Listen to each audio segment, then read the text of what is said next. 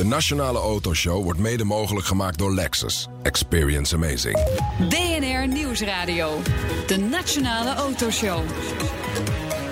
Meindert en Wouter. Welkom, dit is het beste van de Nationale Autoshow. Deze zomer hoor je de leukste gesprekken en rijimpressies van het afgelopen seizoen nog eens terug. En we beginnen deze uitzending met de veilingmeester van het gerenommeerde RM Sotheby's, Maarten ten Holder. Hij veilt klassieke auto's voor tientallen miljoenen euro's en reist daarmee de hele wereld over. Ik woon in Amerika, ik werk in, in Londen. En, en als het kan, kom ik hier naar Nederland soms. Ja, ja, ja het is, is, gewoon. Is, een, lastige commute. Ja, het is een lastige commute. dus uh, je gebruikt je eigen product dan ook niet veel? Het zijn auto's. Want die nee, veilen nee. jullie wel, hè? Army Solid. Eigenlijk alleen maar automotive veilingen, toch? Ja, bijna alleen. Dus automotive. Dus veel natuurlijk, veel, voornamelijk auto's. Hier ja. en daar wel eens een keer een boot. We hebben binnenkort een veiling in Italië. En het is ja. altijd leuk om een Riva te hebben. Ja. Uh, en memorabilia. Dus uh, gelieerd aan. Jullie waren net aan het kijken in de catalogus. Ja. Oh, je kan ook een motor kopen als ja, je wil. Een Ferrari motor. Ik bedoel een Ferrari motor inderdaad. Ja. Ja. in een kratje. Ja, dat is wel heel mooi. Maar dat is een heel mooi kratje erbij. Ja. Een heel mooi kratje spiegel. Heel goed. Mij dat had het al gezien. En een Ferrari gereedschapssetje. dacht ik, ah, dat valt dan misschien nog wel mee. Maar er staat dan toch ook 8 tot 12.000 euro. Ik denk, nou, zo graag wil ik hem ook weer niet hebben. Dat klopt. Weet je wat het is? Dat is, voor, dat, is voor, dat is altijd mooi, want die horen dan bij een auto. En dan heb je heel vaak heb je de collector die de wagen wel heeft. Ja, precies. Voor al een paar honderdduizend gekocht, maar nog niet toolset. En vandaar dat dat, dat, dat, dan toch wel ja. die bedragen gaat. Ja, ja klopt. Ja. Ja, dus je moet eigenlijk van wat, wat minder gewilde Ferrari, daar moet je die uh, de, misschien, ja, ja, misschien van hebben. Um, Zo'n veiling, want we hebben hier een heel dik boek. Heel okay, dik. Ja, het is best. Uh, ik zie, ja, pagina 210 zie ik alweer. Ja. Uh, met hoeveel mensen werk je naar zo'n veiling toe? Dat is best een, best een project. Ja, dat is een heel team. Dus er zijn uh, bij ons, bij Arm Sotheby's, werken ongeveer wereldwijd 150 man. Um, waarvan er 30 echt puur specialisten zijn op het gebied van, uh, van, van alle wagens die we, dus, die we hebben. Ja. Um, en ja, we zijn met zo'n veiling zijn we toch wel echt ruim een half jaar bezig om eerst natuurlijk de wagens uh, te krijgen, om ze, om ze binnen te krijgen, de catalogus te produceren, onderzoek ja. te doen. Er binnen te krijgen? Staat er in Londen ergens een grote hal waar dit allemaal staat? Nee, toch? Nee, nee, nee, nee. nee, nee. nee wat er gebeurt is, je maakt afspraken en uiteindelijk wordt het allemaal gecoördineerd, zodat ze. De, deze veilingen, zoals je weet, zoals je kan zien, ook aan de mooie rode en uh, zwarte en uh, gele kleuren is in, in Duitsland. In ja. is inderdaad Technoclassica volgende week. Uh, dus die worden allemaal daar geleverd. En dat, die, ze zijn nu, terwijl wij aan het spreken zijn, zijn ze al begonnen met inladen in de hal. Ja. Hoeveel auto's staan er volgende week uh, voor die jullie ons, veilen? Ja. Voor ons, want er zijn er natuurlijk nog veel meer. Maar wij ja. hebben ongeveer 230, net onder de 230. Volgens mij 227, als ik me niet vergis. Wat een logistiek. Ja. Maar dat zijn dus niet alle, alle auto's die in de catalogus staan. Hoezo? Ik, ik, ik, zie hier gaat al tot 301. Ja, 302. nee, dat klopt. Maar wij beginnen meestal, om, om, een beetje het idee te geven dat het echt heel veel is, beginnen wij gewoon op 101. Dus de eerste oh. 100 slaan we, slaan we over. Dus dan, ja. Slim. Dus het, klinkt, het klinkt alsof er van oh, alles ja, aan de hand is. Maar nee, ja, ja, ja. Wat een goeie. Ja, slim.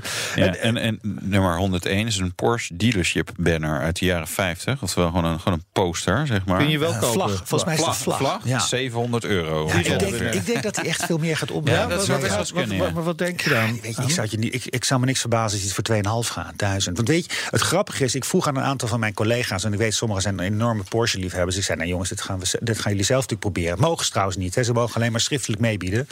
Uh, om het natuurlijk eerlijk te houden in de veilingzaal. Ja. Maar als je er al drie hoort die roepen... oh ja, dat wil ik heel graag doen... dan denk ik, oh ja, dan weet ik dat de zaal wel uh, geïnteresseerd gaat worden, ja. Ja, en waardoor komt dat? Is dat omdat dit ook relatief betaalbaar is, dat er dan nog meer mensen op happen? Of, of, of omdat het heel uniek is? Nee, ook. Of het nou heel erg uniek is, weet ik niet. Maar het is, het is gewoon inderdaad, het is betaalbaar en het is natuurlijk leuk. En weet je, dan, op zo'n beurs en zo in zo'n veiling zijn er ook mensen die. Ja, het raar is, het gebeurt bij mezelf ook. Hè. Je, hebt van die, je hebt een hele rare manier van relativeren. Dus als ja.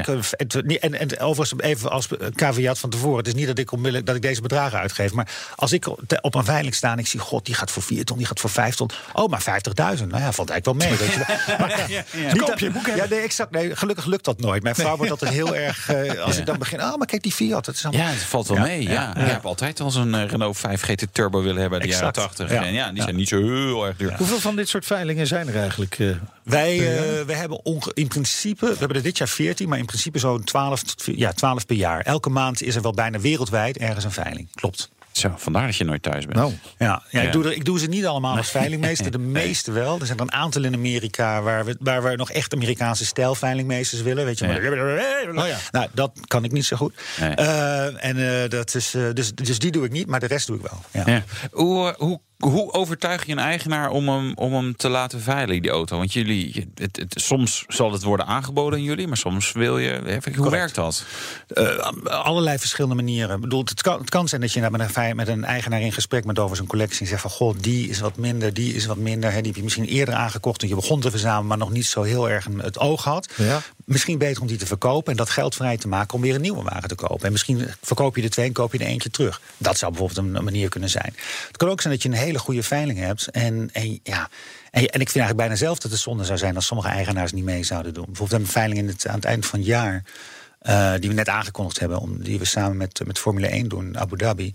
Ja, dat, en er zijn maar 50 plaatsen in die veiling. Dan ja. is het bijna een soort van voorrecht om mee te mogen. Oké, oké. Okay. Ja. En hoe, hoe selecteer je dan? Uh, want dat, dat, dat moet allemaal echt de topstukken zijn. Correct. Ja, dat, minimaal zes cijfers. Minimaal zes cijfers. ja, het is wel, bijna wel. Het, het, het, het, nou, het gemiddelde is wel de bedoeling dat we zes cijfers halen. Ja. Correct. Ja. Ja. Ja. over die Formule 1 veiling, daar gaan we het straks nog uh, over hebben. Maar uh, ik kan me voorstellen, hè, als je dus inderdaad mensen moet overtuigen ook om hun stukken, de auto's uh, aan te bieden, dat er ook wel concurrentie is tussen de verschillende veilingen. Correct. Dat jullie elkaar de tent uitvechten bijna. ja, dat, nou, de tent uitvechten is nog net een beetje groot. Nee, dat maar je, heel beschaafd natuurlijk. Want we zijn Brits, Brits Veiligheidshuis van originair, zouden we Maar, maar ondertussen. Uh, uh, nee, maar ondertussen. Nee, er is concurrentie. Er is concurrentie. En een gedeelte is. Uh, ja, en dat is eigenlijk. Dus op de, als je op de allerslechtste manier concurreert, dan ben je ook concurreren op prijs. En dan ben je aan het zeggen van goh, weet je, breng bij een veiling, hoef je iets minder te betalen dan ja, ja. bij de concurrent. Dus wij kijken veel meer van hoe kun je creatief zijn? Hoe kunnen we ervoor zorgen dat we, er, dat we zeker weten, nou ja, 100% zeker weten, proof is in de pudding. Aan het einde is dat wanneer het, wanneer het uh, het object, wanneer het lot bij ons verkocht wordt, dat we meer geld gaan brengen, gaan halen voor de, ja. voor de inbrenger. Want dat is uiteindelijk wat we doen. Dat is onze taak. Wij, wij verkopen voor de verkoper en moeten zo hoog mogelijk een prijs halen. Ja. En dan heb je een combinatie van marketing, je, je client database, uh, partners waar je eventueel mee werkt. Ja. En ook de, de, de, de expertise van je specialisten. Want ja. die mannen waar ik het net over had, voornamelijk mannen in ons team.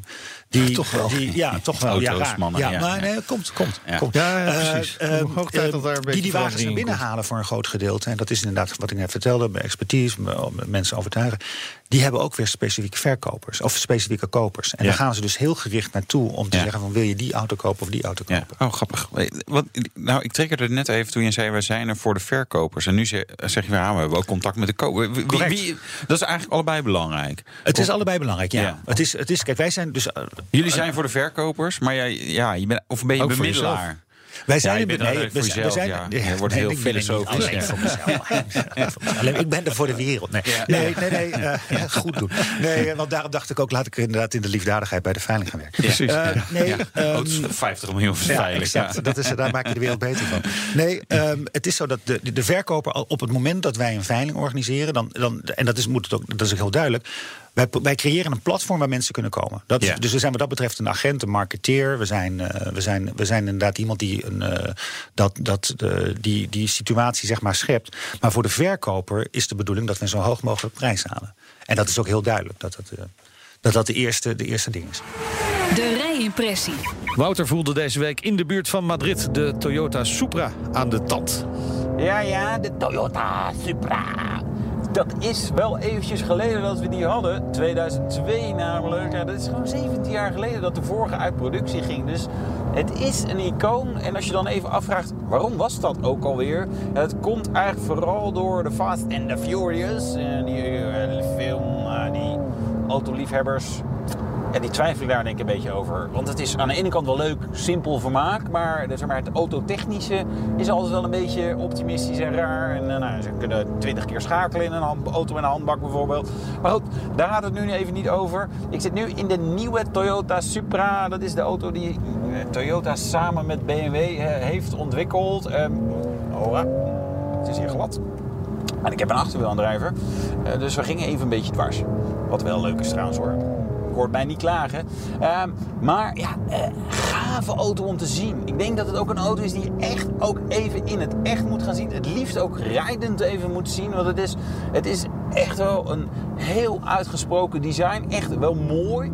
Ehm, lijkt in weinig op eh, de Z4, denk ik. Ehm, natuurlijk, als je goed gaat kijken, dan zie je daar proporties en zo die hetzelfde zijn. Maar ja, wel echt Toyota vormtaal. En mooie hardware. Het begint al met eh, de keuze voor wielbasis en de, de spoorbreedte. Maar dat is een hele verhandeling over. En een aantal grafiekjes. Dat er een soort optimum is. En is eh, de spoorbreedte gedeeld, of nee, de wielbasis gedeeld door de spoorbreedte moet tussen de 1,5 en 1,6 zitten. Nou, bij deze is dat 1,55. Dus dat is helemaal perfect. Nou, dan wordt die auto lekker agiel, maar toch ook stabiel. Ehm, en ja, eh, ergens geef ik ze niet helemaal ongelijk. Eh, het is wel een auto met veel grip. Ehm, en dat is wel een contrast met de vorige Toyota sportauto, overigens nog op de markt is, Toyota GT86. Die stond op Prius, wieltjes en banden, zodat je eigenlijk ja, van die eco-rubber wat best wel glad was eh, en waar je wat meer mee ging glijden.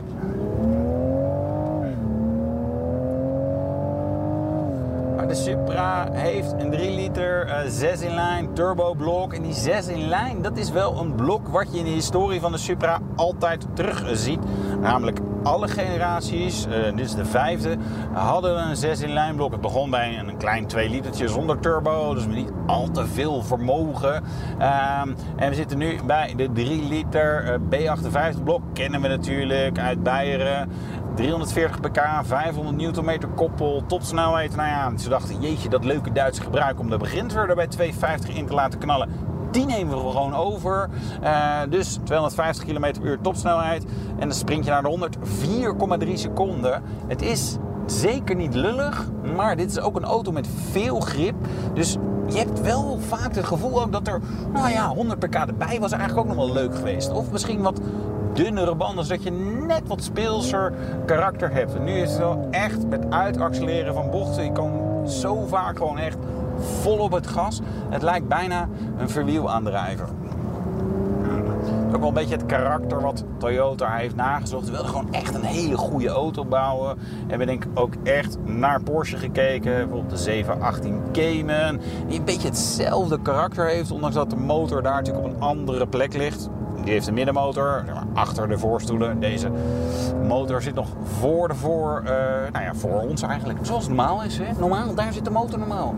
Ehm, wel een 50-50 gewichtsverdeling. Nou ja, het, is, het hele pakket is erg mooi. Het stuurt erg leuk. Ik word er enthousiast van. Wouter die enthousiast is. Hij is terug, lekker. De Toyota Supra. Samenwerking natuurlijk met BMW. Met wie? BMW. Met wie? ja. ja, weet je, eh, je ziet best wel wat BMW-invloeden. Ook in het interieur. Eh, dus het stuur, de navi. Is het erg? Mm, Nou, ik denk het niet. Het karakter van de auto is wel anders. En hij is, ja, dit is wel gewoon een veel stoerdere auto dan de Z4. En dat komt aan de ene kant doordat hij dicht is, maar hij is ook gewoon qua design wel wat, wat, ja, wat ruiger. I- Is, is dit trouwens de enige samenwerking tussen die twee? Of gaan ze, eh, denk je, nog wat verder? Want Ehm denk ik met name wat betreft eh Nou, elektrisch waterstof, waterstof. heeft volgens mij ook wel wat eh, connecties, eh, maar niet, niet zozeer om, om zeg maar echt gezamenlijk een auto te bouwen. Maar kijk, het, Toyota doet dat wel met meer partijen. En BMW overigens zijn er ook wel wat samenwerkingsverbanden. De Toyota iGo heb je natuurlijk de C1 en de 108 en whatever. Dus weet je, het is niet vreemd. Zeker, dit is natuurlijk een laag volume auto. Hè. Dit, we, we kopen allemaal SUV's. Jullie saaie autokopers met je opgehoogde lelijke blikken. In plaats van gewoon gave eh, roadsters Dus of meer coupés. Supra's kopen. Ja, meer Supra's kopen. Ja, en dan, eh, want ja, nu is de business case gewoon Nou, slecht. Ik ben dus benieuwd wat het we doen. eh, eindoordeel is. Het wordt nog lastig om te kiezen welk kind er mee mag rijden. Nee, het zijn iets ouder tegen. Ja, Alexander gaat tegenwoordig gewoon op schoot. Tot, eh, dat vinden mijn buren ook heel leuk dat hij dan eh, stuurt er, door de wijk. En zometeen praten we met Maarten ten Holder over zijn rol als veilingmeester. En wat is de duurste auto die hij ooit heeft geveld? BNR Nieuwsradio. BNR, de Nationale Autoshow. Het is tijd voor De dienstauto van... ja, de rubriek waarin bekende mensen vertellen over hun passie voor auto's. En dit keer hebben we. Een topgolfer. Ah, vandaar die kleine balletjes ja, kleine en de balletjes. stok. Ja, de stok. Joost, Joost Luiten. Wat, wat rijdt Joost Luiten? Nou, Ik heb op dit moment een Audi TT waar ik, eh, waar ik in rij. En ik heb een, eh, een Porsche Macan. De Porsche Macan eh rijd ik het meeste mee, omdat het gewoon een heel praktische, praktische auto is. Maar ik moet wel zeggen, als het dan wat mooier weer is, dan eh, met die Audi TT, dat is een cabriootje, ja, dan is dat wel heel leuk, eh, leuk toeren. Ik ben wel benieuwd sinds wanneer die die Audi TT heeft. Want volgens mij ken hier iemand die er een kwijt is. Ja, ik ben er een kwijt. Ja, die collectors item is verdwenen. In- bestaat Ja. bij iemand in de, in de loods. Ja, Ja, of ja, hij misschien- ligt hij op de bo- bodem Misschien van het staat hij wel in het veilingboek. maar Ja, goed, ja, daar zullen we zo even naar kijken. Eh, Joost heeft ook een eh, bijzondere voorkeur als het gaat om de kleur van de auto's. Ja, ik heb altijd wat met grijs gehad. Ik vind dat, eh, dat is een beetje dat donker, eh, ja, dat hele donker grijs gunmetal eh grey noemen ze het. Ja, dat, dat vind ik gewoon een hele stoere, stoere kleur. Dat heb ik altijd mooi gevonden. En eh, zo'n beetje elke auto die ik, die ik heb gehad, heeft die kleur gehad, ja. Zwart en wit, dat, eh, dat is zo standaard. En ja, op een of andere manier eh, spreekt deze kleur mij, eh, mij eigenlijk altijd aan. Ja, dat grijs dat zie je bijna nooit. Nee, ja, inderdaad, ja. Hé, Joost? ja, het kan wel heel mooi zijn, maar het is ook wel saai. Ja, sorry. Maar ja, anders was hij geen golfer geworden als hij... eh, nee, of, of nee, ja. En er zijn er ook extra uit de bocht, eh, vlieg je. Ik mag nooit meer meedoen met een golftoernooi. Nee. Waar Ja. droomt Joost nog van? Ik ben ook echt wel van de oldtimers. Ik heb dan ook een, een, een paar oldtimers eh, gekocht. Ja, dat zijn wat oude Porsches. Ja, om daar een beetje een soort van eh, kleine verzamelingen op te bouwen, dat zou ik wel heel leuk vinden. Ik vind eh, een Porsche 964 vind ik echt heel gaaf. En zo zijn er in, in de Porsches natuurlijk heel veel mooie modellen. En dan moet je toch wel snel aan de turbo-modellen denken. Die zijn nog wat, wat zeldzamer en waardoor ze ook wat waardevoller zijn. Maar ja, tegelijkertijd zijn die dingen ook vaak niet te betalen. Ja, je moet echt de juiste, juiste modellen moet je weten te vinden. Maar eh, dat is misschien wel voor na mijn carrière. Ja, nou ja, ik eh, denk dat hij een telefoontje kan verwachten van Ik wou net Maarten. zeggen, wat, wat is zijn nummer? Ja. Je me geven? Ja, ik ben hem wel. straks allemaal Dat- geregelen nou, via de Ik heb redacteur. hem gevonden, hè, lot eh, 23 233. Een, eh, de Amethyst, eh, dat is een paarse eh 964 turbo, 3.3. Is dat die, ook die paarse Ja, met bekleding paarse- heeft? met paarse die is, echt, bekleding, ja, die is nee. helemaal... Ja, dit sorry voor het he- woord, maar die is echt helemaal porno. Ja, ja die is, Die is echt, echt porno. fouter Ja. dan dit wordt het niet, Ja, hoor. Maar hij had dus eigenlijk gunmetal grey moeten zijn. Een kleur die Nee, Porsche je volgens mij niet eh, makkelijk vol, eh, voert. maar-. Maar deze kleur kennelijk wel. Mijn. Nou oh, ja. van, oh, grappig. Nou, ik vind wel allemaal dingen. Eh, maar goed, we waren bezig met de dienst. Wil je meer afleveringen horen? Of wil je nog reageren? Uh, nee, leuk. Ja, goede pensioenbelegging, denk ik. Zeker, Eh, zeker. ja. Wil je meer afleveringen horen van de dienstauto van? Check bnr.nl slash dienstauto. BNR Nieuwsradio. De Nationale Autoshow. We praten verder met Maarten ten Holder, managing director van RM Sotheby's in Europa. Ehm, we, we hadden het over, over die veilingen, zo'n 12 per jaar, dit jaar 14. Welke is er eentje die er echt bovenuit stijgt? Allerbelangrijkste? Ehm, nou, voor ons is normaal gesproken augustus Monterey is een hele belangrijke week. Pebble Beach, Ja. Concours d'Elegance. En dan, dan gaan we daar naartoe. Eigenlijk het hele circus komt, want niet alleen wij, ook concurrenten. Maar ik ben de namen vergeten, dus anders had ik het Ja, niet? Ja. Maar eh, die, eh, eh, dus, en daar hebben we dan een grote veiling. En dat is normaal gesproken de veiling waar we twee, drie dagen veilen. Dit jaar drie dagen. We beginnen met een Aston Martin eh, only veiling op eh, donderdagavond. En dan eh, Hmm. eh, vrijdag, zaterdag twee, eh, twee verder op volgende veilingen. En daar wordt echt voor miljoenen omgezet. Ja, maar Ja. Hoe, hoe- hoeveel gaat dat om totaal Vorig dan? jaar eh, in dollars, hè, want het fluctueert, maar hebben we ongeveer voor 200 miljoen verkocht. Oké. Wat Ja. geld, hè? Nou, maar wel- dat, dat, geld. dat zouden op zich vier of vijf auto's kunnen zijn. Eh, Soms. Ja, jij vroeg naar de duurste auto. hè. Ik zit net te denken, zit te rekenen. Ja, dan, dan, kom- dan kom je er niet ver vanaf. Dat klopt. Ja. Ja, Nee. dat zou En- kunnen. en Het waren wa- wat meer. Wat, wat, wat houden jullie daaraan over? Of is dat een eh, enorm geheim? Of kan je, kan je een tipje van de sluier opleggen? Nee, ik wil best een tipje van de sluier oplichten. En Ik, eh, ik dacht, ik, zal me, ik heb mijn belasting... nee, ik, heb hierbij- ik heb ze eigenlijk echt bij, maar dat is wel Ehm, Nee, eh, het is zo dat eh, het veilinghuis werkt als volgt. Het- In principe de, eh, is er een buyer's premium, hè, dus een, eh, een commissie die de koper betaalt. Ehm, de commissie ligt, de structuur ligt iets anders in Europa als in Amerika. In Amerika is het net boven de. Het is ongeveer 10% Laten we het op 10% houden. Want het is de eerste 500.000, dus geloof ik 12 en dan wordt het 10% Eh, dus je kan je voorstellen, dat is in principe voor het veilinghuis. Ja. Maar het veilinghuis is natuurlijk. Ja, wat, wat doen wij als wij daar kopen? Wij, wij veilen nooit in ons eigen, op onze eigen locatie. Dus wij zitten op locatie. Dus je moet dat allemaal opbouwen. Ja. Dus de kosten. Ik Ja, niet precies. precies vertellen, maar die zijn enorm. Dus Ja, daar houden we helaas niet zo heel veel over. Nee, maar wel genoeg. Nee. Nee. Maar do- Ja. doet de veilingmeester het ook op commissiebasis? Dus hoe hoger het Ik bedrag... had die hoe- vraag ook, ja. Ja, eigenlijk heb ik die vraag zelf ook. Ja. Misschien kunnen we dat even. Als je, kan je het in het Engels vragen? Dan kan ik het even opnemen. Dan zal ik, nee, nee, nee hoor, dat is niet. Ik zit gewoon keurig op een gewoon Oké, salaris. Ja. dat is natuurlijk wel leuk als je denkt... zo, deze gaat lekker omhoog. Die Eh, gaat lekker omhoog, even door, ja. jongens. Ja, nee, ik Ja. nee dat is, zo werkt het niet. Maar het is wel zo dat het is waar. Hoe meer het omhoog gaat, hoe beter het voor het bedrijf is. Ja, precies. Maar hoe ga je wel te werk als veilingmeester? Ik zei al, dat doe je ook.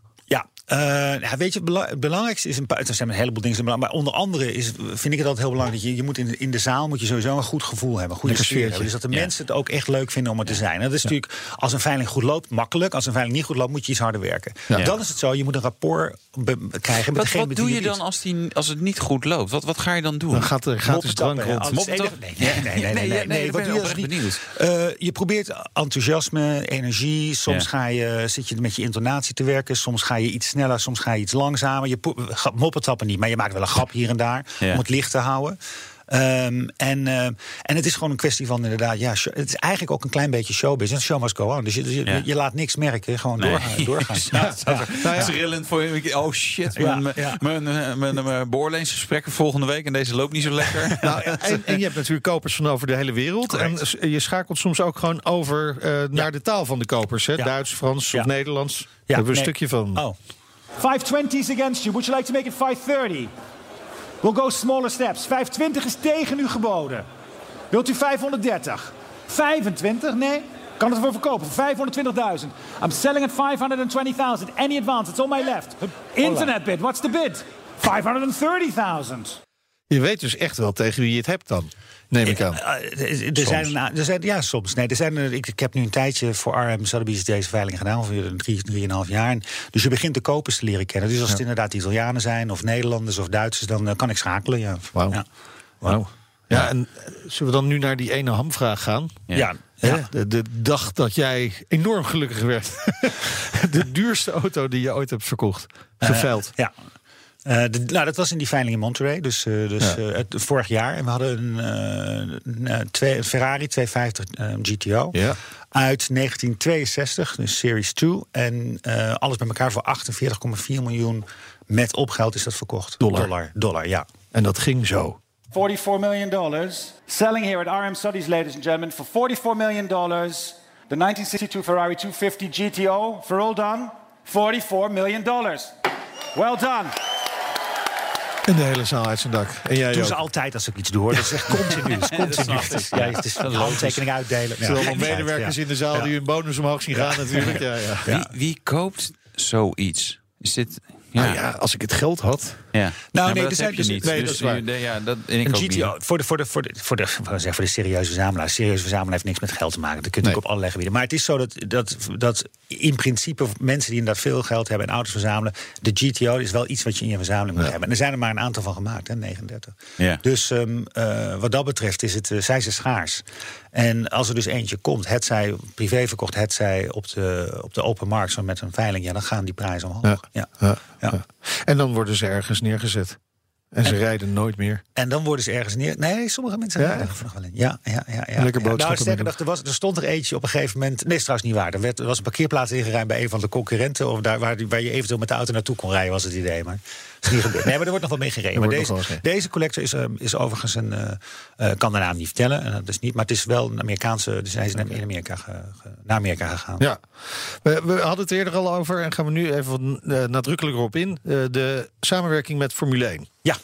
Wa- waarom gaan jullie, is het gewoon puur interessant? Het kan kan wat opleveren? Er is, er is vraag naar?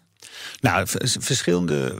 Sowieso werken wij altijd graag samen met grote evenementen, grote partners. Ik vertelde net, Monterey is nu gedurende Pebble Beach. We hebben Ja. eh, een veiling in Italië, eh Technoclassica samen met Technoclassica. Dus het idee is dat je dus je wil ervoor zorgen dat je een, een, een forum hebt waar, waar, waar, waar mensen samenkomen en iets willen doen. Nou, Formule 1 is natuurlijk een enorm platform. Ja. Dus wat dat betreft zijn wij heel geïnteresseerd om met ze samen te werken. We verkopen ook Formule 1 wagens. Trouwens, sterker nog, we hebben nog momenteel het wereldrecord van Formule 1. 7,5 miljoen. Voor 7,5 een, eh, miljoen. Ja, wagen Oké. waarmee Michael Schumacher in 2001 Monaco gewonnen heeft. Dus een Ferrari. Kijk. Kijk, ja. Dus ja, voor 7,5 verkocht. En eh, dus dat is iets wat we, we sowieso verkochten. Maar om dat met die mensen samen te doen is nog een stuk beter. Ja. En, het- en het bereik, het bereik van Formule 1 is enorm. Ja, maar dan kan ik me voorstellen. eh, Schumacher Monaco gewonnen. Nou, dit jaar gaat Max Verstappen Monaco winnen. Eh, als hij daarna een aantal keer wereldkampioen wordt, dan is dat een interessante auto voor jullie, voor de veiling. Ja, Maar dan moet hij eerst nog wel een paar keer wereldkampioen worden. Ja, dat gaat natuurlijk zo. gebeuren. Dus dat is geen probleem. Precies. Dus dat is gewoon geen probleem. Dus, ja. En dan staat hij misschien in 2025 bij het evenement op Zandvoort. Ja, waarom niet? Zou heel goed kunnen. Gaan we misschien daar doen. Luister, met Formule 1, de, deze veilingen zijn naar Abu Dhabi. Maar we gaan er meer aan doen met ze inderdaad. Precies, op verschillende 30 november, locaties. 30 november, correct. Ja, op zaterdag. Ja. Jorde Maarten ten Holder, veilingmeester bij RM Sotheby's. En zometeen Jan Fong, de grootste auto-interieurbouwer ter wereld. Tot zo. De Nationale Autoshow wordt mede mogelijk gemaakt door Lexus. Experience amazing. BNR Nieuwsradio. De Nationale Autoshow. Meindert en Wouter. Er werd twee jaar met man en macht aan gewerkt en onlangs gepresenteerd in Californië het XIM 20 interieur. Zeg je het goed? Ja, geen Van idee. Jan Fong. Ja, we Ja, kunnen dat het zo gaan vragen. Eh, dit is volgens de grootste en belangrijkste interieurproducent van de wereld. Het auto-interieur van de toekomst. Ja, en dan gaan we nu naar het auto-interieur van het verleden met de Volkswagen Polo GTI. Toef je hard geveerd? Oh, ook Ja. dat. Ja, ja het is, nou, vind ik het trouwens wel een relatief modern interieur. Ja? Ja, nee, is wel oké. Ja, gewoon met ook een scherm eh, in plaats van tellers en zo. Nee. Zo, zo. En gewoon weer upsizing doen ze. hè. Gewoon lekker een dikkere motor in plaats van Zo. zo'n klein uh, Ja, Lekker zo. hoor. Niet van een getrut. Wil je daar op reageren of wil je lekker trutten? Dat kan via ja, Twitter. Ja, druk op het knopje. Oh, goed zo. Ja, doe ik even. Hebben we een tussenstand van onze poll? Het BNR Auto Autoshow. auto? Ik zal even kijken, dan mag jij de rest even doen. Oh, en dat is? de rest van de show. Ja. Eh, nou, vorige week presenteerde Jan Fong in Sunnyvale, California... het auto-interieur van de toekomst. De gast is eh, Han Hendricks, de Chief Technology Officer van Jan Fong Automotive Interieurs. Grootste en belangrijkste interieurproducent ter wereld. Het bedrijf levert aan... De, dit is wel even belangrijk om er ook bij te zeggen. Anders denk je, ja, een of ander Chinees bedrijf. Maar nee, Audi, BMW, Ford, Mercedes, Tesla, Waymo. Ja, is niet Eh, mis. Nee, nee, dat is zeker niet mis. Leuk dat je er bent. Welkom. Ehm, hoe spreken we die naam nou uit? Nou, eigenlijk deed jij het perfect. Oh, want eh, dat is jammer. ja, echt, Ja. de meesten zeggen Yang Feng, maar het is een beetje Yang Fong. Ja, en, Jan Fong. Jan En, en, en, nu van dat interieur. Ja, de Ja. XIM 20. Het is geen Chinees woord, XIM. Oh, het oh. staat voor Experience in Motion 20. En eigenlijk doen we iedere twee jaar, wat je al zei, eh, de ontwikkeling van een, eh, van een interieur eh, van de toekomst. Ja. En, en wat is het? Want interieur van de toekomst. Dat is dan allemaal met... Nou ja, in eh, dit geval praat je over een, eh, een autonome ride-share auto. Ja. ehm, die je dus eh, deelt met andere mensen. Hij komt vanzelf voorrijden. En dat is een compleet nieuw mobility concept, zeg maar. Maar ik ben Ja. ervan overtuigd dat we daar naartoe gaan. Ja, maar dan- dan kan je eigenlijk gewoon naar metro- en businterieurs kijken. Dus eh dat moet makkelijk afwasbaar zijn en, eh, niet al, en lekker hufteproef. Ja, maar je, maar je wil erop, wel. Ja. Het ligt er een beetje aan. Als het een korte ritje is van een paar minuten, is dat geen probleem. En dan zullen Nee. die autonome auto's die voorkomen rijden er waarschijnlijk ook een beetje zo uitzien. Ja. Maar als je wat langer in de auto zit en je hebt wat meer geld te besteden en je wil wat comfort of je wil iets bijzonders, dan wil je wel wat meer in dat interieur. Ja, dan wordt het een soort Transavia-stoel. nee, het is best interessant. Maar eigenlijk kan je natuurlijk vooral ook naar openbaar vervoer kijken. Want het is, Ja, maar openbaar de- vervoer heeft één groot nadeel. Dat is altijd hetzelfde. En met die autonome auto's, als je dus zelf geen auto meer koopt... en dezelfde auto vier jaar lang rijdt... is het eigenlijk hetzelfde als eh, eh, bepalen welke schoenen je aandoet... voor welke activiteit. Ja. Als je gaat tennissen, doe je je tennisschoenen aan. Heb je een, eh, een avond in een theater, doe je andere schoenen aan. En als je die auto niet meer bezit... maar je kunt kiezen wat je wil... afhankelijk van wat je gaat doen, die uur, dat uur... of die minuten of die avond, kies je die auto. Ja. En die komt voorrijden. Ja, En die past zich dus aan aan wat je die avond of die dag nodig hebt. Precies. Eh, onze redacteur Nout die zet even wat foto's op Twitter, zodat eh, luisteraars ook eh, nog iets beter beeld krijgen van wat het, het interieur van de toekomst inhoudt. Maar als ik het kort kan zeggen, is het ook ja, geen stuur. Nee, dat klopt. Wel op, optioneel volgens mij, dat stuur. Nee, in Oh, dit nou, geval, on- in dit concept niet. Het vorige concept hadden Ja, we dat wel, dat kon wegklappen. Ja, De- precies. Deze auto Oh, die heeft is geen nu echt helemaal weggelaten. Twee stoelen voorin en een, eh, ja, een soort loungebank achterin eigenlijk. Daar komt het op neer. Nou ja, het is eigenlijk een beetje ook de, de, de consument de keuze bieden. Wil ik buiten op het terras zitten en wat meer van de omgeving genieten? Of wil ik me wat terugtrekken eh, binnen in het En als je restaurant? buiten op het terras wil zitten, dan laat je de schuifdeur open gaan. Precies, en dan eh, heb je wat meer eh, contact met je omgeving, zeg maar. En dan, dan heb je meer ruit om je heen. Ja, meer ruit om je heen. Ja. Ja. En, en achterin zit je, dan zit je meer in Meer een een soort... cocoon, zo, Ja. waar je een beetje terug kunt trekken. Ja. Maar ja, het gaat ook vooral om die functionaliteit hè, die, er, die erin geïntegreerd is. Een aantal functies die we nu eigenlijk niet kennen en die wat, misschien wat minder relevant zijn.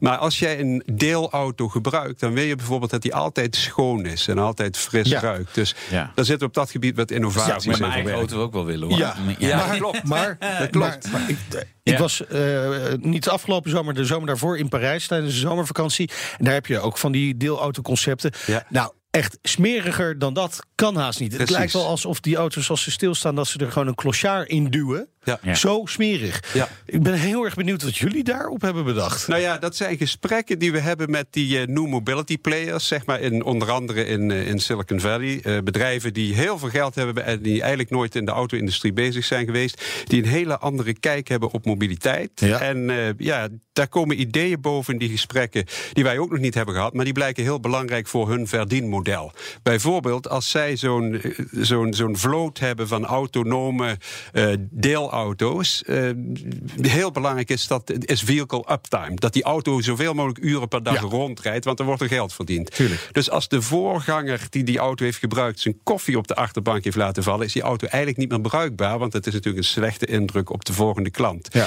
Dus allerlei technologieën en middelen om die auto, dat, dat auto-interieur altijd schoon en functioneel te houden, die worden belangrijk. Dus een van de innovaties in onze auto, we noemen dat een UV sanitizer. Dat is een eh, UV-licht wat ook voor operatiekamers gebruikt wordt, die in een paar seconden de ergste aanraakplekken even schoonmaakt, Ja. bacterievrij maakt Ja. en eh, misschien s'nachts een heel Ja. interieur schoonmaakt. Oké, die, die koffie haal je er nog niet vandaan. Eh, Nee, of of, nou, of er zit er van dat gemakkelijke plastic op de banken? Precies, nou denk daar even over na. Die, die vlek die is daar, zitten allerlei sensors in dat interieur, intelligente stoffen en, en andere sensors.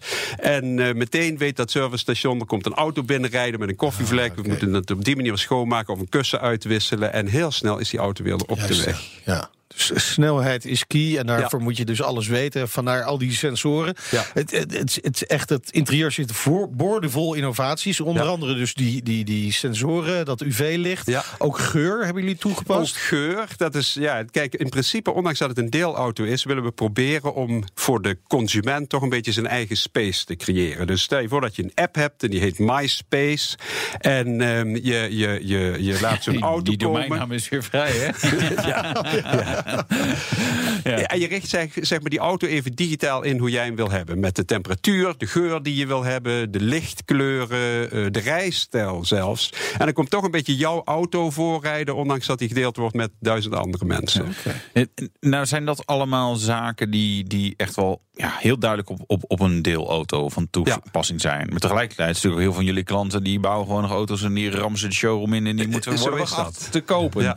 Ehm, dus er zit ook vast allerlei zaken in die uiteindelijk natuurlijk ook voor, voor anderen heel erg interessant zijn. Ja, klopt. En, en, en de bediening bijvoorbeeld, daar, daar hebben jullie allemaal. Het, het werkt allemaal, hè? Want ja, ik, het is een een he- filmpje. De, de, de auto is helemaal functioneel. Dus het is een echt prototype. Het is geen showmodel of een Ja, studiemodel. en om even of te zeggen waarom dat belangrijk is. Want we zien op, eh, op eh, autoshows soms wel eens... en andere shows soms wel eens concepten. Ja. En daar is heel veel over nagedacht... wat die auto in de toekomst eventueel zou moeten kunnen. Maar op Ja. dat moment kan dat nog niet. Maar dat Nee. geldt dus niet voor jullie. Nee, die in, de, de innovaties die we in deze auto, Auto. hebben, de, de overgrote meerderheid is Auto. helemaal functioneel. Inderdaad. Ja. En kan geproduceerd worden. En het is ook zo dat eh, vandaag, als je met vier mensen in een auto zit, dan rijden er eigenlijk drie in een autonome auto rond. Dus veel van die functies die zouden nu wel heel zinvol kunnen zijn. Ja, maar maar die waar. bediening dan, hoe, hoe werkt dat in deze Nou ja, eh, auto? wat is belangrijk? Kijk, er komt steeds meer functionaliteit in die auto. Maar aan de andere kant willen mensen een beetje rust hebben. Ja. Dus die bediening die wordt zeg maar onzichtbaar geïntegreerd in, ehm, in, de, in, de,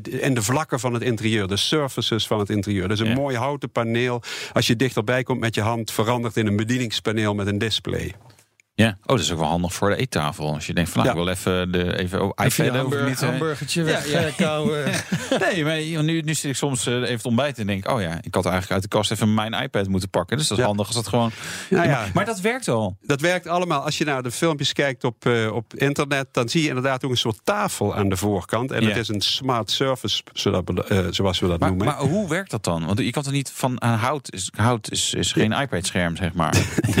nou ja, het is een superdunne bamboe, echt hout, bamboe, Ja. ve- ehm, eh, eh, hoe zeg je dat, veneer, Ja. die er Ja, overheen ja, ja. eh, zit. En daaronder zitten schermen en, eh, en capacitieve folies en... eh, we hebben in de ach- aan de achterkant hebben we ook een, een, een 3D ehm, eh, eh, bewegingsherkenning om te bedienen. Dus er zijn allerlei technologieën Ja. mogelijk om, eh, om oppervlaktes, zeg maar, bedieningsfunctionaliteit Maar, te maar geven. dit kan gewoon. Dit, Nu. dit werkt al. Nu. En, maar, en kan het ook al in productie enigszins Ja. betalen? Ja. Ja, absoluut. We zitten met de meeste van dat, die innovaties zitten we, zeg maar, in, de, zitten we in de verkoopfase. We verkopen dat nu voor Ja. de volgende generatie. Mijn, mijn grootste deelauto-ervaring van vroeger is de vakantie. Hè, dan zaten we met z'n vieren in een auto. Ja. En Ik ik weet niet hoe het bij wil. jou was, maar bij Ja. ons was er altijd ruzie over de muziek. Omdat er gewoon vier, vijf... Nee, we zaten met z'n vijf in de auto. Oh, jeetje, wat erg. Eh, eh, vijf verschillende muzieksmaken ongeveer. Ja. Ja. En ja. Daar hebben jullie dus een oplossing voor Nou ja, bedacht. dat- Wij- zaten met die Walkman. eh, weet je nog wel, een Walkman voor de jonge luisteraars. Daar kon je een bandje... Een, Ja, oh, cassettebandje, moet je maar eens googelen. Ja. cassettebandje, maar kon je je eigen muziek eh, horen. Nou ja, dat is een van de innovaties, daar ben ik het meest enthousiast over. Ehm, ik heb zelf twee kinderen. Die, eh, de een luistert naar een film, de ander luistert, luistert naar zijn muziek. En je hebt in die kleine ruimte gaat dat geluid door elkaar. Nou, deze innovatie die we samen met onze partner Novito, een start-up uit, uit Silicon Valley, hebben ontwikkeld, is een speakersysteem, eh, software en een intelligente camera. En die zorgt ervoor dat jij alleen jouw geluid hoort. Dus je kunt met z'n vieren in de auto zitten. De een voert een telefoongesprek, de ander muziek, een film, noem maar op. Serieus? En je hoort alleen. Dus het Zonder nadeel, dat je dus een koptelefoon op hoeft te zetten. Precies. Het nadeel van kinderen met een koptelefoon is dat je ze bijvoorbeeld helemaal afsluit. hè. Je Ja. kunt er niet meer mee praten. En in dit geval zijn ze, blijven ze in contact met hun omgeving. Maar ze horen alleen Ja. Hun eigen Ja, muziek. tot, tot, tot ze een filmpje kijken hoor. Want dan eh, Super. Ja, dus dat is echt dat goed. zijn ze ook echt afgesloten Ja. bij mij. Ik weet niet hoe het bij jou zit, Wouter. Maar Dat, ja, tv je- kijken, dan kun je het tegen ze bom, roepen, dat eh, gebeurt helemaal ik heb niks. eens de iPad uitzetten en dat, dat, dat daarna nog vijf seconden duurde voordat ik überhaupt had gereageerd. Dan denk ik, nou, je zit er echt diep in. Ja. Eh, vakantie bij mij was ook eh, dan. eh, mijn vader had een periode dat hij dacht: ja, we gaan niet over die tolweg in Frankrijk, want dat, is, dat kost geld natuurlijk. Ja. Je kunt ook gewoon die, eh, de andere routes, route nationaal eh, kiezen. Is het enige nadeel, heb je wat meer bochten en zo. ik ben heel benieuwd waar dit naartoe gaat. Nou, weet je wel. Nee, wagenziek. Ik, ik word wagenziek, zeker Ah, ja, ja, ja. Ja. Eh, Ja. Gelukkig nog niet nog van mezelf, maar daar hebben jullie ook wat voor verzonnen. Want dat is natuurlijk ook een probleem in een autonome auto. Gaat potentieel ook zijn dat we allemaal Lam erin gaan. kotsmisselijk eruit komen. Iets te veel gedronken. Nee, ja, nee maar Net als jij nu al wagenziek wordt... dan is natuurlijk de vraag of het handig is... of je dan in een, in een autonome rijdende Ja. auto gaat zitten... die Ja. daar geen rekening mee houdt. Nou ja, dat is heel goed. De, de verwachting is dat inderdaad wagenziekte wat toeneemt met autonome auto's. Ook als je achteruit Ja. zou rijden. En er zijn er allerlei manieren om wagenziekte te verminderen. Dat gaat onder andere met geur. En we hebben inderdaad in dat eh, systeem wat we in de auto hebben... waarmee je geuren kunt eh, creëren in het interieur... ook een eh, gepatenteerde geur die wagenziekte vermindert. Maar ook als je de autostoel binnen een bepaalde vibratie houdt... frequentie, vermindert dat ook wagenziekte. Verder met licht en geluid kun je dat beïnvloeden. Ja. Jeetje. Ja. Mooi hè? Het wordt wel een heel circus in die auto. Ja. Zitten we allemaal met onze eigen vibratie. Want ja, eh, Het is nog wel betaalbaar. Die technologie Ja. die moet natuurlijk allemaal onzichtbaar blijven. Je moet dat Ja. ervaren als consument. Het klinkt allemaal heel erg eh, futuristisch, maar het werkt dus wel allemaal. Wordt dit nou echt het eh, interieur van de toekomst voor de auto? Auto. auto. Ja. Je hoort zo de rijimpressie ook met de Polo Polo. GTI. BNR Nieuwsradio. BNR, de Nationale Autoshow. Tijd voor De rijimpressie. Jawel. We hebben Wouter eh, dus toch in een Volkswagen Polo gekregen. Het was een beetje passen en meten, maar het ging. Natuurlijk wel in de GTI-variant. Dat dan weer wel. 243 km per uur. 2, 4, 3. Op de teller. Ook in digitaal trouwens, want je hebt dat mooie Active Info display. Maar in een Volkswagen Polo. En ja, dit keer was het echt op de Duitse autobaan. En moest ergens naartoe en weer terug. En zowel op de heen als de terugweg heb je dan toch een moment dat je even lekker helemaal door kan halen. Ja, dit is echt een kanon, een bootje op wielen zou ik willen zeggen. Maar dat is altijd een beetje een flauwe term. Maar wat ook qua power echt een mooie package. Polo GT hebben we al sinds de jaren 90. Begon ooit met 125 pk. Toen kwam 150, 180 pk. Deze heeft 200 ponies. Eh, maar wat nog wel het aardigste is, is een 2 liter turbo. En dat is zeker dan vergelijkt met de concurrentie, zoals bijvoorbeeld de nieuwe Ford Fiesta ST. Die heeft een 3-cilinder, 1,5 liter groot. Dan hebben we Renault Clio RS, 1,6 liter groot. Wordt volgens mij vervangen binnenkort, maar dan zal het ongetwijfeld wel weer hetzelfde blok worden. Eh, Peugeot 208 GTI, 1,6 liter groot. Dus dit is echt groot blok voor zo'n kleine auto. Uh, betekent ook een aantal dingen die gewoon echt lekker veel koppel heeft. Lekker ook vanaf onderin. 320 Nm koppel vanaf 1500 tot 4400 toeren. En vanaf 4400 toeren tot 6000 toeren heeft hij zijn maximum vermogen van 200 pk. En dat vertelt, als je een beetje techniekgevoel hebt, je één ding, namelijk dat die dat het blok een beetje afgeknepen is. Er kan echt nog meer uitkomen. En dat klopt natuurlijk ook wel. Want deze motor, volgens mij in vrijwel dezelfde vorm, zit ook in de Golf GTI. In auto's als de Skoda Octavia RS. En daar levert het blok 230 of 245 pk. Dus er zit nog wat vlees in. Ook goed te tunen trouwens. Dan gaan we gewoon naar nou, zo'n pk'tje of 300. Dus het kan allemaal nog veel gekker. Ja, en dat in ja, een Polo. Dat is natuurlijk met de jaren wat gegroeid qua formaat. Maar het is nog steeds een compacte auto. Wel gewoon met mooie technologie. Meen ik echt oprecht. Ja, zoals adaptieve cruise control. Mooie infotainment. Mooi active info display voor mij. Waar ik uh, allerlei mooie dingen kan uh, laten zien. Zoals de navigatiekaart. Qua rijden. Vermakelijk. Toefje hard geveerd. Het is niet de auto in zijn klasse met het mooiste onderstel. Er zit nog wel wat onrust in, maar wel gewoon echt bloedverziekend snel. Echt lekker. En dat alle voor slechts 30 mil. Nou, wat wil je nog meer? Nou, inderdaad. Ja.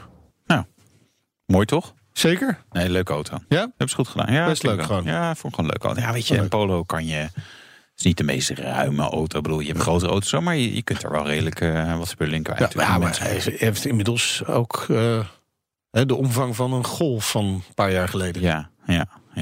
Huh? Ja, dat is zo. Ja, ja nee, ja, Nee, het groeit, uh, groeit het groeit allemaal. allemaal. Het groeit allemaal. En Ja. daarom is er ruimte voor de up gekomen. En die groeit dan ook weer. Ja, ja, precies. En zo vullen we dat van onder Ja, allemaal op. En dan komen allemaal GT-versies van. Helemaal, Heerlijk, goed. Ja. heerlijk. Ja. Dus het eindoordeel. Ja. Hm. Dit is een auto voor Ajax-supporters. ja, een beetje opvrolijken. Hè? Ga lekker door. BNR Nieuwsradio. BNR, de Nationale Autoshow. We praten verder met Han Hendricks. Hij is eh, Chief Technology Officer van Jan Fong. Hij is eh, Automotive Interior, Interiors, eh, de grootste en belangrijkste interieurproducent ter wereld. Twee jaar aan gewerkt. Nu is het Experience in Motion 2020 interieur af. Eigenlijk best grappig om te bedenken. Dus dat, dat, dat, dat is dus ook handel, inderdaad. Is over één jaar Nee, nee, maar, ook, nee, maar weet je, de, het feit dat er is, dus, er is dus een bedrijf wat gewoon auto-interieurs maakt. Nee, het is best grappig als je erover nadenkt. Dat, dat er autobedrijven zijn en zo. Maar, ehm, en, en dat je dat dus presenteert. Ja. En dan krijg je dus reacties op. Ja. En zeggen mensen dan, oh, mooi zeg. Ja. Ja, zeiden ze dat ook? Ja, dat zeiden Ja? ze ook. Nou ja, om te En ze beginnen. zeiden van ja, dit, maar dit gaat natuurlijk nooit werken in het echt. Met dat hout en zo, dat bamboe, dat is allemaal ingewikkeld. Ja, en dan, ga, en dan laten we eens een kijkje achter de schermen nemen. Nee, zo, en dan wel. zien ze, oh ja, het, is, het, is, het werkt echt. Maar om te beginnen, 85% van de gemiddelde auto wordt niet door het merk zelf ontwikkeld en Nee. geproduceerd. Het wordt Nee. door toeleveranciers gedaan. Ja, ja zoals jullie. Zoals Ja. wij. Ja. En wat interessant is, want eh, het is voor ons belangrijk om heel vroeg contact te hebben met onze klanten. Dat we weten waar ze naartoe gaan. Dus we ge- gebruiken dit ontwikkelproces om een visie te creëren op het interieur van de toekomst. Ook om met onze klanten te praten. Ja, maar het is gedeeltelijk ook andersom. Zij moeten weten waar jullie mee bezig zijn, want dan kunnen zij daar naartoe gaan. Want Nou eh, jullie komen met een nieuwe materialen. Ja, wisselwerking dus. toch? Precies. Ja, we, we zijn van elkaar afhankelijk. En eh, wat interessant is aan, aan ons bedrijf in vergelijking met de merken, is zij kijken toch door een merkenbril. Hè? Ja. BMW kijkt door een BMW-bril, Ford door een Ford-bril. Ja. En wij werken met alle merken samen. Van Uber tot Ford tot Ja. Daimler. Het is wel interessant dat je BMW noemt. We, eh, een week geleden spraken we met de BMW-designbaas Adriaan van Hooijdonk. Ja. En hij zei dit over de toekomst van het auto-interieur. Als ze een ritje van, van vier uur voor de boeg hebben, dan heb ik wel van veel klanten gehoord, hebben ze er geen probleem mee om het stuur ook eens Nee. een keer af te geven voor twee uur. Eh, maar ze willen zelf bepalen wanneer ze dat doen. Dus eh, wij zien in de volgende eh, autogeneratie waar wij mee bezig zijn wel een stuurwiel. Is dit nou eh, bij jullie op kantoor? Ja, dat is een typische BMW-uitspraak. Nou ja, ja, ja, Ja, en nee. Ja, Freude am Varen. Ja, hè? Een nou hele emotionele belevenis om zelf een auto Nou te rijden. En, eh, Daar heb je natuurlijk een punt, hè? Auto, een auto is emotioneel. ja. Je kiest hem op, op, op, op eh, het design van de buitenkant, misschien deels ook wel de binnenkant, Ja. maar ook vooral het rijden. ja, nou ja, inderdaad. Een auto is een emotioneel En product. dat halen jullie allemaal weg. Nou ja, wij denken dat dat eh, wat minder belangrijk gaat worden. Hè, die buitenkant styling. En ook ja, dus het zelf rijden. Maar we denken aan de andere kant dat die interieurervaring door de gebruiker, door de klant, veel rijker kan worden. En daarom zijn we bezig met die, het integreren van die technologieën die gewoon een veel rijker, interessantere ervaring geeft. Ja. Nou, ik moet zeggen, het ziet er ook wel heel gaaf uit. Ja, dat, is zeker kan waar. best een paar uur in doorbrengen. Ja, nee, nee, ja, dat is ook de bedoeling. Gaan we grote verschillen tussen de, de verschillende merken zien qua, qua interieur?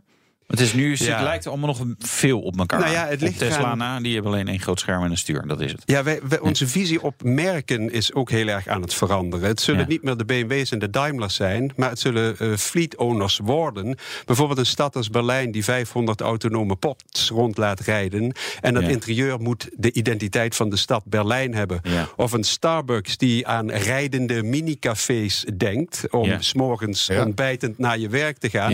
Dus, Ja. dus die merkbeleving die gaat helemaal veranderen. koffievlek eh, sensor die wordt steeds belangrijker. Ik zie hem, ik voel hem al aankomen. Ja, maar dat is natuurlijk wel interessant. Dat je, Ja. dat je andere partijen krijgt die daarin eh, een rol mogelijk gaan spelen. Ja.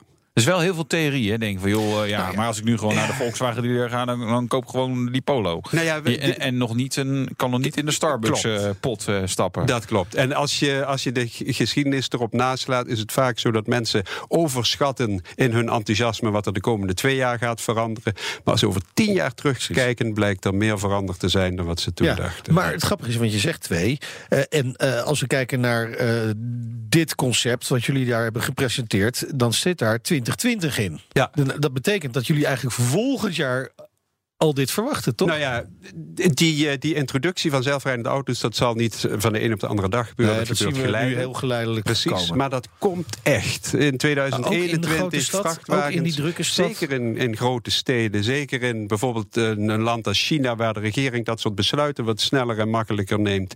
En waar ook Freude am Varen ver te zoeken is in Shanghai. ja, dat is Ja, natuurlijk en in, in daar heb je misschien ook wat minder mensen die eh, anarchistisch eh, gebruik maken van de weg, zoals in Amsterdam of Rome, Ja. Rotterdam. Ja, zijn Rotterdam, ja. In Rotterdam hebben we wel van die zelfrijdende pots. Hè? Ja. Ik, eh, als ik naar mijn sportschool ga, dan kom ik er langs. Ik heb hem al een keer ingehaald. Ze gaan echt tergend langzaam. Nee, als je daarnaar kijkt, denk je nou, dit is de toekomst, Ja, maar de- jongens. Nou ja. dat is dus niet meer zo erg als je zo'n interieur hebt. Nee, dan maakt het allemaal Maakt niet uit uit dat of je het uren duurt. Ja, nee, dat is wel. Maar het is inderdaad zo. Waymo heeft zijn eerste pilot met een paar honderd zelfrijdende taxis in Phoenix. En Ja. dit jaar komt GM, Ford en Daimler met een vergelijkbaar grote schaal, zeg maar, introductie van zelfrijdende taxis. Ja. Eh, Naar welke ehm, automerk moeten we kijken voor, voor de gaafste interieurdingen de komende, komende jaren? Kan je daar iets over zeggen? Ehm, Of ga je dan klant beledigen? ja, nou ja, dat is een beetje moeilijk. Ja. Nou ja, je kunt met name een persoonlijke smaak vragen. Ja. Ehm, Nou, dat kan ook. Ja, nou ja, jij, zit in de branche. Wat vind jij, wat, wat, waar, waar, waar ben je van onder de Nou ja, maar weet je, ze zijn allemaal nog extreem traditioneel. Ze zijn Ja. de afgelopen honderd jaar niet veranderd. Dus Nee. Nou, ze hebben allemaal schermen nu en zo. Ja, ze hebben meer schermen, maar het is allemaal nog een be- hè, Als je door je oogharen kijkt, is het hetzelfde. Ja. Dus ik verwacht ontzettend spannende dingen van eh, bepaalde nieuwe bedrijven in, eh, in San Francisco. Ja. Die, eh, waar we heel vroeg in een vroeg stadium mee samenwerken. Maar als je kijkt naar traditionele interieurs, ik vind BMW, Audi dat, en ook Mercedes, dat zijn hele mooie interieurs. Zeker, zeker. Ja. Ja. Duitse Eh, eh, dit, dit project is nu afgerond. Ja. Wanneer gaat er een eh, nieuw interieur komen? We gaan weer beginnen. Ja, jullie gaan weer dit beginnen. kwartaal doen we de aftrap en dan zijn we. En over twee jaar hebben we de XCM 2022. 2022. Nou, Ja. we kijken er nu alweer naar uit en zullen ongetwijfeld weer amazed zijn, denk ik, Wouter. Ja, dat denk ik ook. Ja. Houd in de gaten. En dat zei Han Hendricks, de CTO van Jan Fong.